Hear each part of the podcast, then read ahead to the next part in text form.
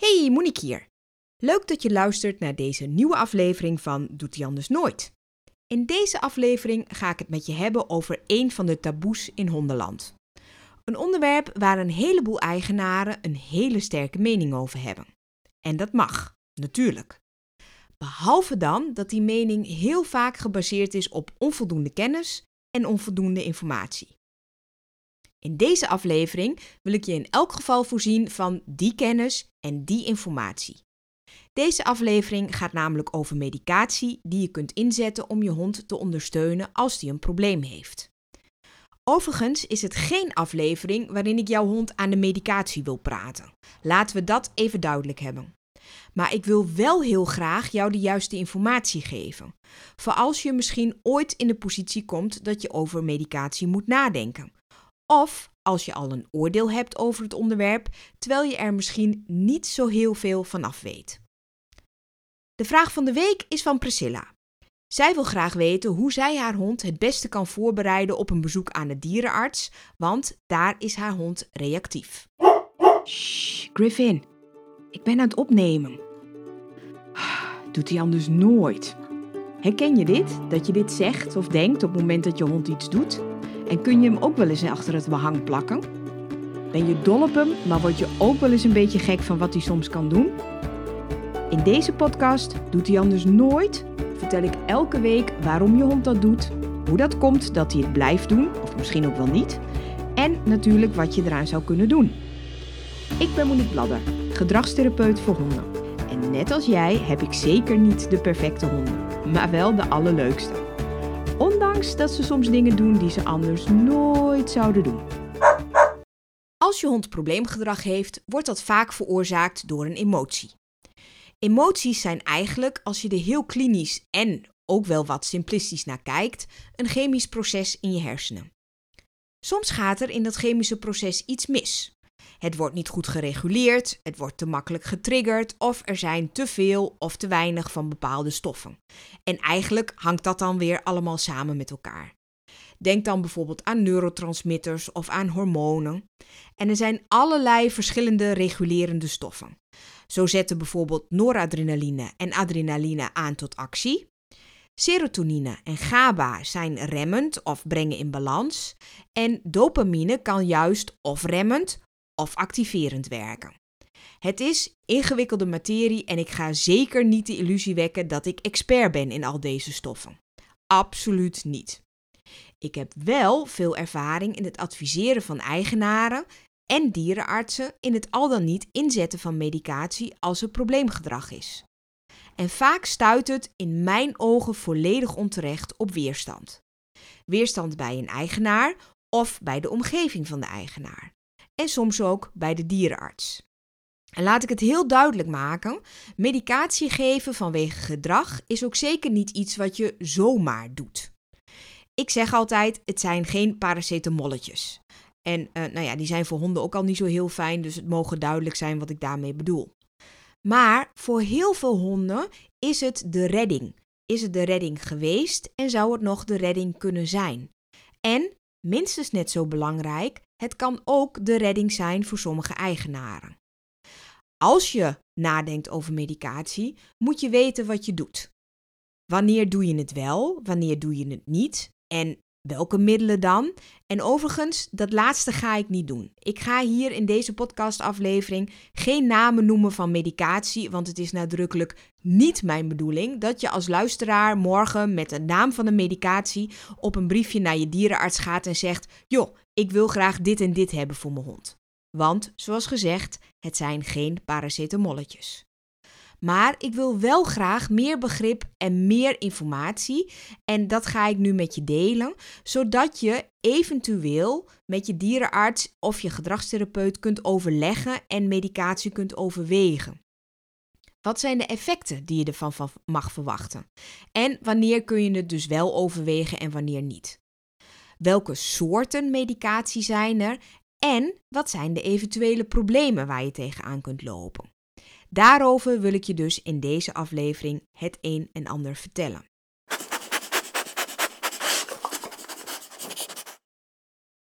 Gedragsmedicatie wordt door heel veel eigenaren en heel veel dierenartsen en ook heel veel gedragstherapeuten eigenlijk gezien als het laatste redmiddel.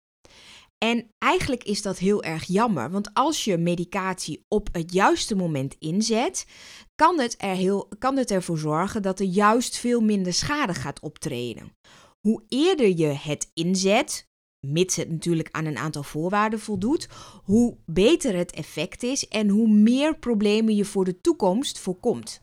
Want net zoals bij gewoon probleemgedrag tussen haakjes, waarbij een hond meer oefening heeft, zeg maar, in het uitoefenen van zijn gedrag, geldt ook dat als je later begint met medicatie, ja, dat het dan gewoon het effect een stuk minder gaat zijn. En het is dus belangrijk om hier goed over na te denken en het dus niet alleen maar als het aller, allerlaatste redmiddel te zien. En zoals gezegd, er zijn voor een heleboel mensen zit er een heel groot taboe rondom die medicatie. En ik snap het eigenlijk niet zo goed. Want we zijn, hoop ik tenminste, inmiddels ook wel zover dat we ons realiseren als mensen mentaal iets mankeert. Um, dat we ook niet denken dat, um, dat je daar geen medicatie voor mag geven. Um, want mentale dingen die niet goed gaan, worden bij mensen tegenwoordig, nou ja, zoals gezegd, hoop ik, ook gezien als een ziekte er is iets in de disbalans, hè, of er is iets in de hersenen, daar is een disbalans van neurotransmitters, van hormonen. En die zorgen ervoor dat er een mentale, en ik vind het woord een beetje naar, maar dat er een mentale afwijking is. En die disbalans kun je ook bij mensen bijsturen met medicatie. En ja, ik weet dat er allerlei bijwerkingen zijn en dat het ook niet altijd even ideaal is en dat daar ook voor's en tegen is. Helemaal mee eens.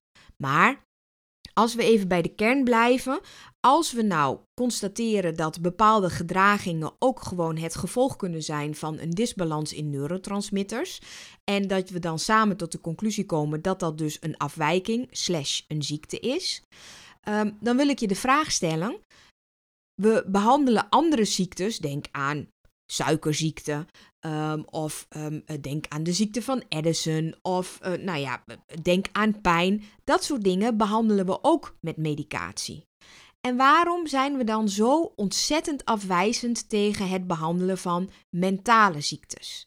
Terwijl dat eigenlijk in principe um, hetzelfde zou kunnen zijn. Ik zeg niet dat het altijd zo is en ik zeg zeker niet dat je bij elk gedrag moet denken aan medicatie. Maar als het um, een kwestie is van een disbalans in de neurotransmitters, in de hersenen, in die stofjes, in het reguleren van emoties, dan um, is het helemaal niet gek om over medicatie na te denken. Dat is iets anders dan dat ik zeg dat je het moet doen, maar het is in elk geval iets om over na te denken. Nou ja, en wanneer denk je dan eventueel na over die medicatie? Wanneer zou dat een reële optie kunnen zijn? Nou, ik denk dat je in elk geval, en een gedragstherapeut kan je daarbij helpen en moet je daar ook bij helpen. Ik denk dat je in elk geval altijd moet kijken: is hier sprake van een trainingsprobleem of is er sprake van een gedragsprobleem? Nou, wat bedoel ik nou met een trainingsprobleem?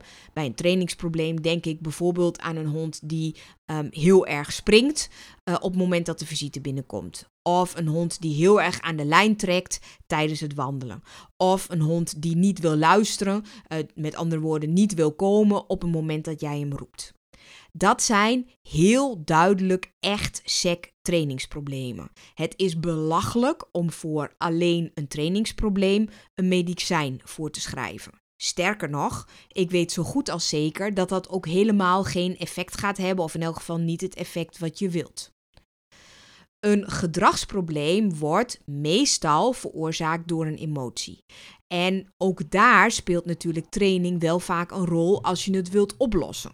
Dus eh, je kunt niet zeggen dat een gedragsprobleem eigenlijk, eh, nou ja, dat dat nooit een relatie heeft met training, want training speelt vaak wel een rol.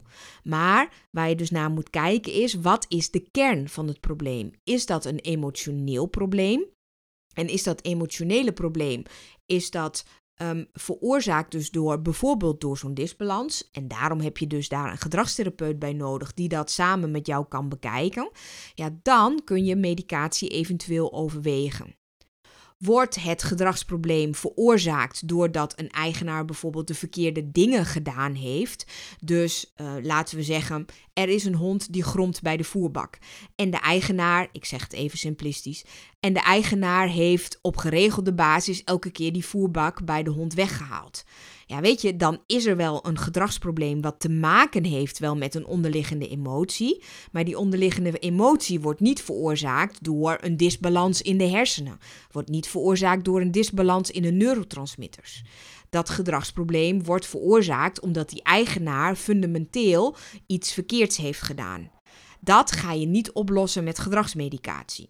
Overigens zeg ik niet dat er um, bezitsagressie is die uh, ook niet veroorzaakt zou kunnen worden door disbalans. Hè, want dat kan ook. Het kan ook zijn dat die reactie zodanig heftig is of extreem is um, dat het wel te maken heeft met disbalans. Maar dit is even een voorbeeld. Zo zwart-wit is het bijna nooit. En alleen daarom al is het dus belangrijk dat als je gedragsmedicatie, als je denkt dat je dat nodig hebt, dat je dat altijd moet doen samen met een gedragstherapeut. Want die kan goed bepalen of het een trainingsprobleem is of een, emotioneel, eigenlijk meer fysiek probleem.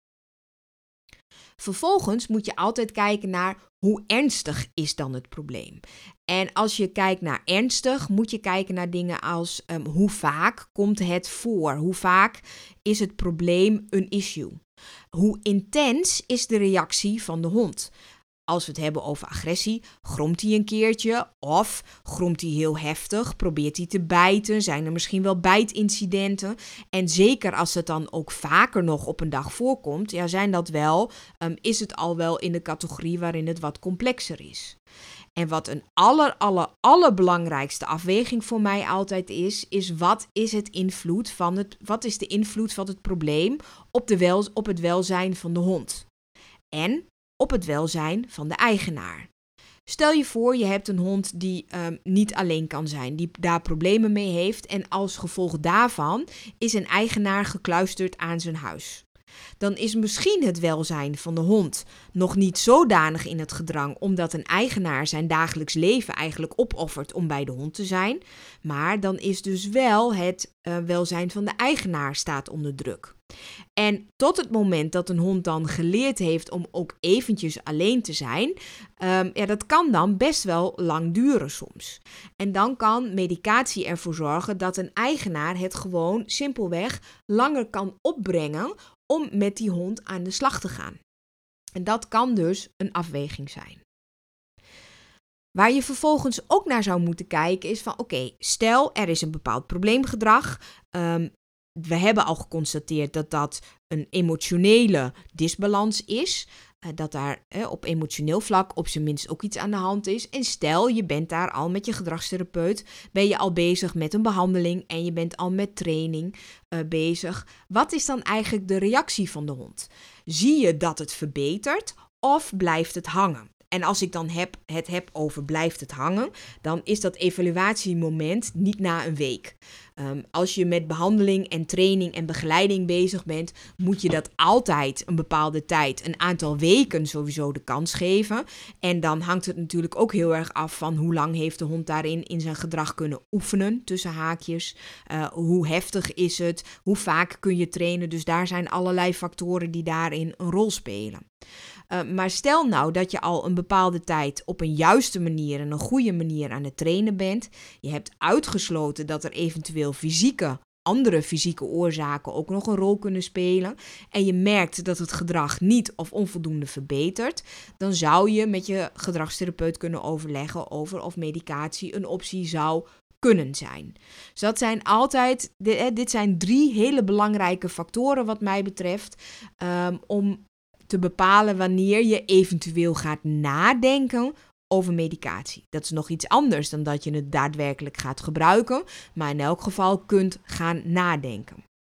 En die gedragsmedicatie, die zijn eigenlijk een bepaalde, oh, dus een bepaald aantal problemen waarbij gedragsmedicatie makkelijker um, ja, besproken kan worden of ingezet kan worden.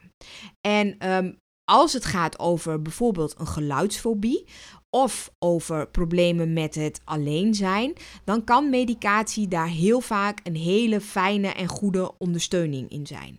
Je zult mij in deze podcastaflevering verschillende keren horen zeggen ondersteuning en dat is een belangrijke. Um, want de medicatie die je gaat gebruiken gaat nooit de oplossing zijn voor het probleem van je hond of voor jouw probleem. Het zal altijd in combinatie met training en verdere begeleiding moeten. Zeker als het gaat over langere termijn medicatie. Maar daar kom ik straks met je op terug. Um, maar bij geluidsfobieën en bij problemen met het alleen zijn, um, kan de gedragsmedicatie een hele goede ondersteuning zijn. Dat geldt ook voor problemen met wat we noemen compulsief gedrag. Denk dan aan bijvoorbeeld staartjagen, aan obsessief de pootjes likken, um, vliegen vangen die er niet zijn. Hè. Dus ik heb het niet over echte vliegen vangen, maar uh, dan zijn het eigenlijk soort van hallucinaties. Daarbij kan ook gedragsmedicatie een hele goede ondersteuning zijn. Dat geldt ook voor wat we noemen gegeneraliseerde angst uh, of voor een anxiety-stoornis. En in die gevallen is het zo dat een hond niet alleen maar tussen haakjes bang is voor bijvoorbeeld een geluid of voor een voorwerp, maar dat zijn angst eigenlijk in zo'n danige mate omhoog komt dat hij ook als er niet een hele duidelijke uh, aanleiding is, dat hij ook dan zich zorgen maakt over wat er zou kunnen gebeuren. En ook dan is gedragsmedicatie um, een van de dingen die zou kunnen helpen ter ondersteuning. Soms kun je gedragsmedicatie ook inzetten bij uitvalgedrag of bij andere vormen van agressie. Um, en dan is het wel afhankelijk van, oké, hoe ernstig is die agressie? In welke omstandigheden wordt het uitgelokt? En hoe reageert de hond op training? Want over het algemeen is het zo dat je bij agressie met uh, training en management een heleboel dingen goed kunt bijsturen. Um, maar soms is dat niet zo. En dan kan het zijn dat die gedragsmedicatie ook een ondersteunende uh, werking en functie kan hebben. En daarnaast, want de dingen waar ik het nu over gehad heb, hè, de geluidsfobie en de problemen met alleen zijn, agressie, compulsief gedrag, angststoornissen, daarbij denk je eigenlijk bijna altijd aan medicatie voor de langere termijn. Maar er zijn ook uh, situaties waarin het heel erg zinvol en handig kan zijn als je incidentele medicatie hebt. En daarmee bedoel ik dat um, op het moment dat je hond bijvoorbeeld heel bang is bij de dierenarts, tijdens een autorit, bij onweer, dan kun je daarvoor incidentele medicatie gebruiken. En uh, daarover ga ik wat verderop ook nog uh, uitgebreid met je praten. Maar dat is wel ook een goede en fijne toepassing van medicatie, mits, daar zijn we weer, je goed weet wat je doet. Want, um, nou ja, zoals aangegeven, je hebt dus eigenlijk twee soorten medicatie. Aan de ene kant heb je de, uh, heb je de medicatie die je dagelijks moet geven um, en die vooral een lange termijnwerking heeft. En je hebt aan de andere kant de incidentele medicatie. En ik ga eerst even beginnen met die dagelijkse medicatie. Um, die dagelijkse medicatie is altijd onderdeel van een behandelplan. Van het werken aan een bepaald gedrag, um, aan een bepaald probleem en aan een bepaalde onderliggende emotie. En als je aan de slag gaat met dagelijkse medicatie, dan is dat, nou ja, het woord zegt het al, medicatie die je minstens één keer per dag en heel vaak twee keer per dag geeft en dus echt elke dag. En bij die dagelijkse medicatie, en dit is echt wel een hele belangrijke, um, dat doe je altijd dus in combinatie met training. En het is niet zo bij dagelijkse medicatie dat het gedrag van je hond van het ene op het andere moment verandert. Um, dat dramatische effect, dat is er eigenlijk bij die langetermijn medicatie niet. Langetermijn medicatie, dagelijkse medicatie, is ook zeker en absoluut, en dit kan ik niet duidelijk genoeg zeggen, is niet bedoeld om je hond te verdoven of om hem te kalmeren. En soms, nou ja, hebben mensen het idee dat een hond juist geactiveerd moet worden. Maar dat is absoluut niet het doel van dagelijkse medicatie. Als je dagelijkse medicatie gaat geven in combinatie met training, in combinatie met een heel behandelplan, is het doel daarvan dat je die chemische disbalans, waar ik het al met je over gehad heb, dat je die gaat corrigeren. Dat je dus het te veel of het te weinig aan stofjes die in dat lichaam en in die hersenen van die hond zit, dat je die ehm, anders gaat maken, beter gaat maken, terug gaat brengen naar hoe het eigenlijk hoort. En dat betekent ook dat dat een wat langzamer proces is waarbij je subtiele gedragsveranderingen verwacht. Dus bijvoorbeeld dat je hond minder snel getriggerd wordt, dat hij minder heftig reageert en dat hij dus makkelijker af te leiden en makkelijker te trainen is. En die dagelijkse medicatie, dat is dus, heeft een wat langere tijd nodig om in te werken. Denk dan aan gemiddeld 4 tot 6 weken. En die moet je dus ook weer afbouwen. Dagelijkse gedragsmedicatie moet je nooit zomaar stoppen. Altijd in overleg met sowieso je gedragstherapeut, maar absoluut en zeker in overleg met je dierenarts. Dan heb je daar ook de incidentele medicatie. En die incidentele medicatie die werkt net iets anders. Incidentele medicatie gebruik je bijvoorbeeld als een hond uh, bang is voor onweer, bang is voor vuurwerk, bang is voor autoritten, bang is voor de dierenarts. Um, of die gebruik je dat als je hond um, het moeilijk vindt om alleen te zijn. Ja, dan is het allereerste wat je moet doen, is je hond eigenlijk niet meer alleen laten. Maar soms uh, zit het leven een beetje in de weg en zul je toch je hond alleen moeten laten. Weet je, misschien moet je even naar het ziekenhuis of zo. Ja, dan zou je ook eventueel incidentele medicatie kunnen gaan inzetten. Ik heb natuurlijk honderd keer liever dat je dan je hond naar een oppas brengt. Uh, of dat je misschien meeneemt. Of nou ja, zo. Hè. We kunnen daar ook allerlei, allerlei andere variaties op bedenken. Maar soms kan dat echt absoluut niet. En dan zou je ook kunnen nadenken over incidentele medicatie. En incidentele medicatie werkt dus anders dan die dagelijkse en die lange termijn medicatie. De incidentele medicatie is bedoeld om het zenuwstelsel te kalmeren, om het maar even simpel te zeggen. Incidentele medicatie kan dus wel verdovend werken en daarbij zie je, dat is ook echt de bedoeling, ook duidelijk effect op het gedrag. Bij die dagelijkse medicatie is het de bedoeling dat je eigenlijk maar subtiele veranderingen ziet, die langzaam na verloop van tijd uh, opbouwen eigenlijk en het langzaam maar zeker een ander beeld geven. Terwijl bij die incidentele medicatie wil je eigenlijk een snel en duidelijk effect en um, het werkt ook meestal maar een paar uur. En het is ook belangrijk dat je bij die incidentele medicatie, dat je daar ook een paar regels bij in je achterhoofd houdt. Um, die incidentele medicatie geef je ook gemiddeld één of twee uur voordat er een bepaalde situatie zich gaat voordoen.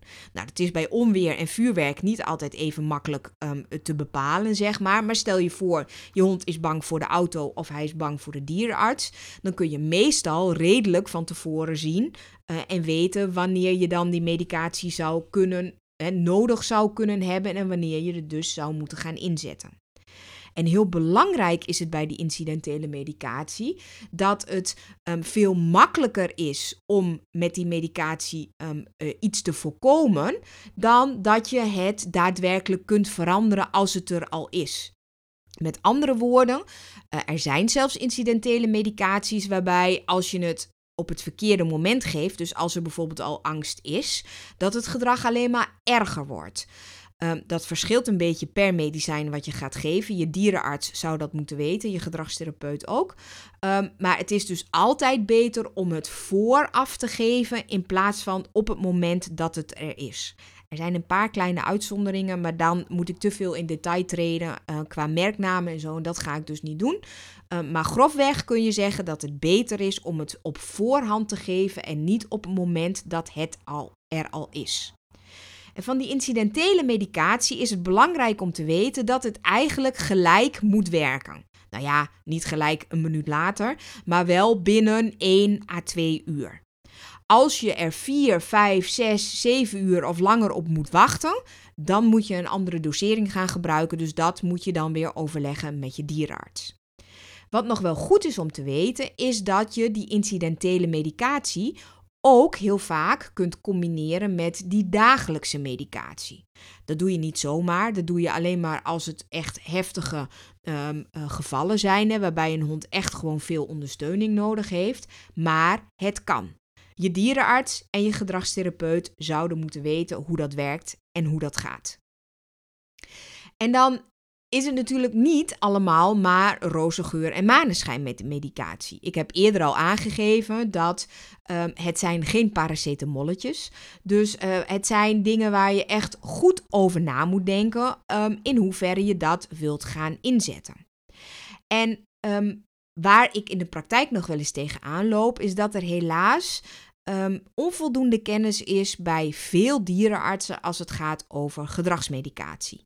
En um, als dat zo is, als jij merkt dat jouw dierenarts eigenlijk niet zo heel veel weet over gedragsmedicatie en je gedragstherapeut kan je daarin ook niet echt begeleiden, vraag dan aan je dierenarts of die in combinatie met de gedragstherapeut contact wil opnemen met de gedragskliniek van de Universiteit in Utrecht. Zij kunnen namelijk jouw dierenarts adviseren over wat ze wel of niet moeten doen. En dan hoeven ze dus niet aan te nemen uh, op het woord van een gedragstherapeut, die daar officieel niet zo heel erg veel over mag zeggen, of eigenlijk niks. Um, maar die vaak wel in de praktijk daar wat meer ervaring mee heeft. En dan kan je dierenarts dat dus bij de gedragskliniek in Utrecht checken. Als je merkt dat je dierenarts dus daar uh, wat aarzelend in is, um, nou ja, geef hem heel voorzichtig de suggestie dat hij ook um, daar wat informatie zou kunnen opvragen. Een ander probleem waar um, je in de praktijk nog wel eens tegenaan zou kunnen lopen, is dat een uh, dierenarts gebonden is aan de zogenoemde cascaderegel. En dat betekent dat een dierenarts altijd in eerste instantie moet kiezen voor een medicijn dat veterinair geregistreerd staat, zoals het zo mooi heet. Um, en het probleem is, is dat er niet zo heel erg veel medicijnen um, voor gedragsproblemen geregistreerd staan, wettelijk geregistreerd staan, bij, uh, of veterinair geregistreerd staan. En dan moet um, een dierenarts terugvallen op medicatie die voor mensen um, geregistreerd staat. En dan kom je nog wel eens op het probleem dat sommige medicijnen door mensen misbruikt worden, omdat ze, uh, nou ja, ons als mensen zijnde een fijn gevoel geven of ons uh, onze mentale problemen kunnen verhelpen of in elk geval kunnen ondersteunen. En dat maakt dat sommige dierenartsen daar dus heel erg huiverig voor zijn. Kortom, die cascaderegeling die kan nog wel eens een beetje in de weg zitten om het juiste middel uiteindelijk voorgeschreven te krijgen. Maar als je een goede dierenarts hebt die verstand van zaken heeft, die kan dat op de juiste manier onderbouwen en die kan daarin meedenken uh, en meewerken. Een ander probleem wat nog wel eens um, de revue passeert als het gaat over gedragsmedicatie, is dat een eigenaar de verkeerde verwachting heeft. Ik hoor nog wel eens, ja, het helpt helemaal niet. En als ik dan vraag wat mensen verwachten, verwachten ze dus, ook bij die dagelijkse medicatie, een plotselinge, instante verandering en dat het ook het hele probleem oplost. Maar, lieve mensen, was het maar zo makkelijk als dat je met een pilletje probleemgedrag zou kunnen verhelpen? Ik zou het heel jammer vinden, want dat zou betekenen dat ik geen werk meer zou hebben. Maar het zou wel de oplossing zijn voor een heleboel leed bij honden en eigenaren. Maar zo werkt het niet. Er bestaat geen wonderpilletje en het is niet zo dat als je er gedragsmedicatie in stopt, dat dan het hele probleem gelijk verholpen is. Je zult eraan moeten blijven werken, je zult moeten blijven trainen, je zult op allerlei andere manieren ook nog moeten ondersteunen en managen. Maar zo'n medicatie, zo'n medicijn kan er wel voor zorgen dat je hond beter bereikbaar wordt, een minder groot risico loopt, dat hij zelf minder leed heeft, dat hij zich minder slecht voelt um, en ook dat jij als eigenaar je beter gaat voelen. En die combinatie samen kan er dus voor zorgen dat het hele plan van aanpak en de, het opwerken naar een oplossing, dat dat beter en makkelijker gaat verlopen. Maar het is niet allemaal roze geur en maneschijn. Ik heb al een aantal keren gezegd: gedragsmedicatie is over het algemeen niet een paracetamolletje, want er is een risico op bijwerkingen. zoals dat bij elke medicatie bijna is. Ook als je behandelt tegen suikerziekte of tegen uh, artrose of um, nou ja, uh, oorontstekingen, weet ik veel. Welke andere medicatie dan ook heeft een risico op bijwerkingen. En dat geldt dus voor gedragsmedicatie ook. Um, de belangrijkste bijwerking, die, laat ik het zo zeggen, die ik het vaak zie, is dat het kan zijn dat de eetlust vermindert. Maar meestal is het zo dat na verloop van tijd, als het lichaam eraan gewend is, die um, eetlust wel weer terugkomt. Er zijn wel een aantal verschillende um, uh, andere afwijkingen, zoals bijvoorbeeld epilepsie of problemen met nieren en lever, die ervoor zorgen dat je dat beter niet kunt combineren met gedragsmedicatie of in aangepaste doseringen. Um, en daarom is het ook super, super, super belangrijk dat voordat je gedragsmedicatie gaat geven, dat je hond um, een bloedonderzoek of dat er een bloedonderzoek gedaan wordt. Ik weet, en ik vind het echt een hele slechte zaak, dat er ook dierenartsen zijn die wel gedragsmedicatie voorschrijven en meegeven zonder zo'n bloedonderzoek. Um, en ik ben daar absoluut geen voorstander van. Want je wilt weten um, hoe het onder meer staat met de nieren en met de lever van je hond. voordat je uh, die gedragsmedicatie gaat geven. Want je wilt zeker weten dat het lichaam van je hond dat kan verwerken. Want ja, als hij gedragsmedicatie krijgt en hij krijgt daar als gevolg daarvan problemen met nieren of lever en hij voelt zich slechter, ja, dan gaat natuurlijk het, ga je van de water in de drup of hoe, nou ja, je snapt vast wat ik bedoel. Ja, dus um, dat kan een issue zijn um, en zorg er dus ook voor dat daar um, goed naar gekeken wordt, dat er eerst bloedonderzoek gedaan wordt en sta erop als je dierenarts het zelf niet adviseert om het te doen.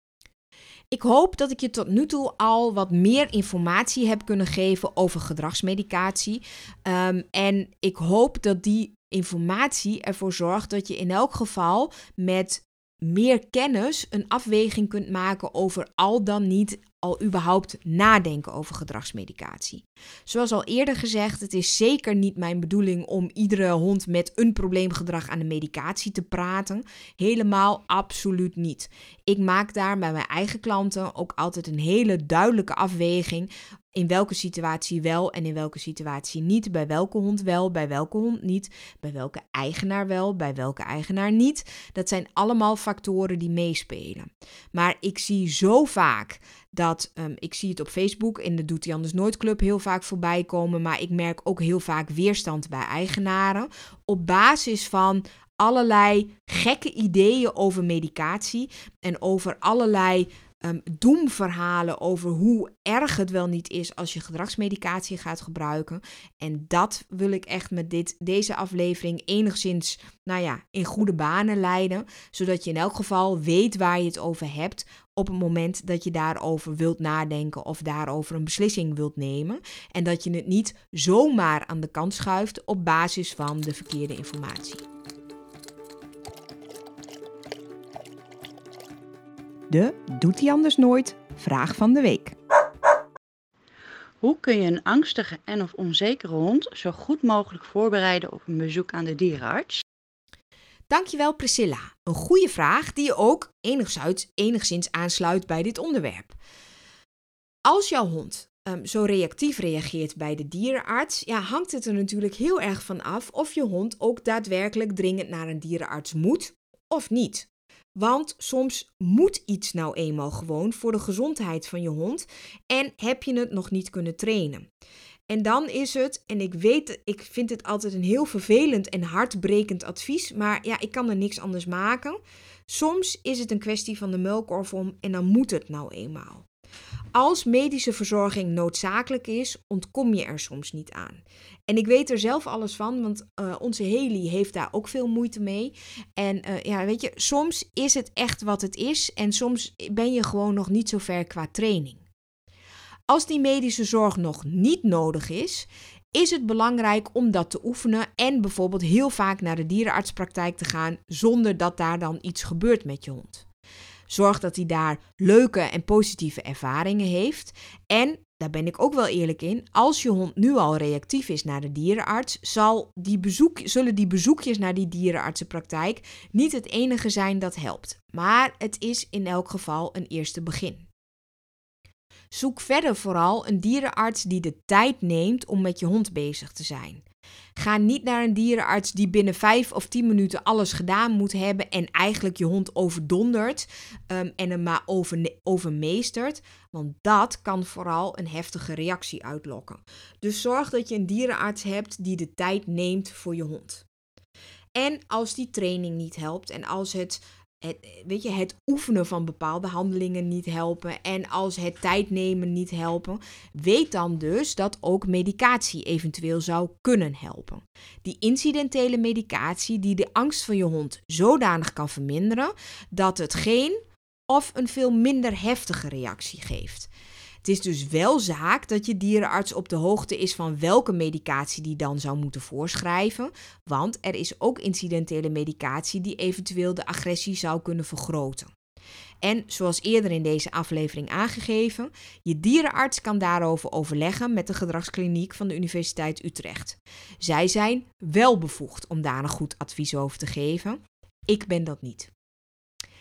Veel succes Priscilla en met deze vraag van de week win je een Bellobox naar keuze. Hierin zitten 100% natuurlijke snacks en er zijn diverse soorten boxen.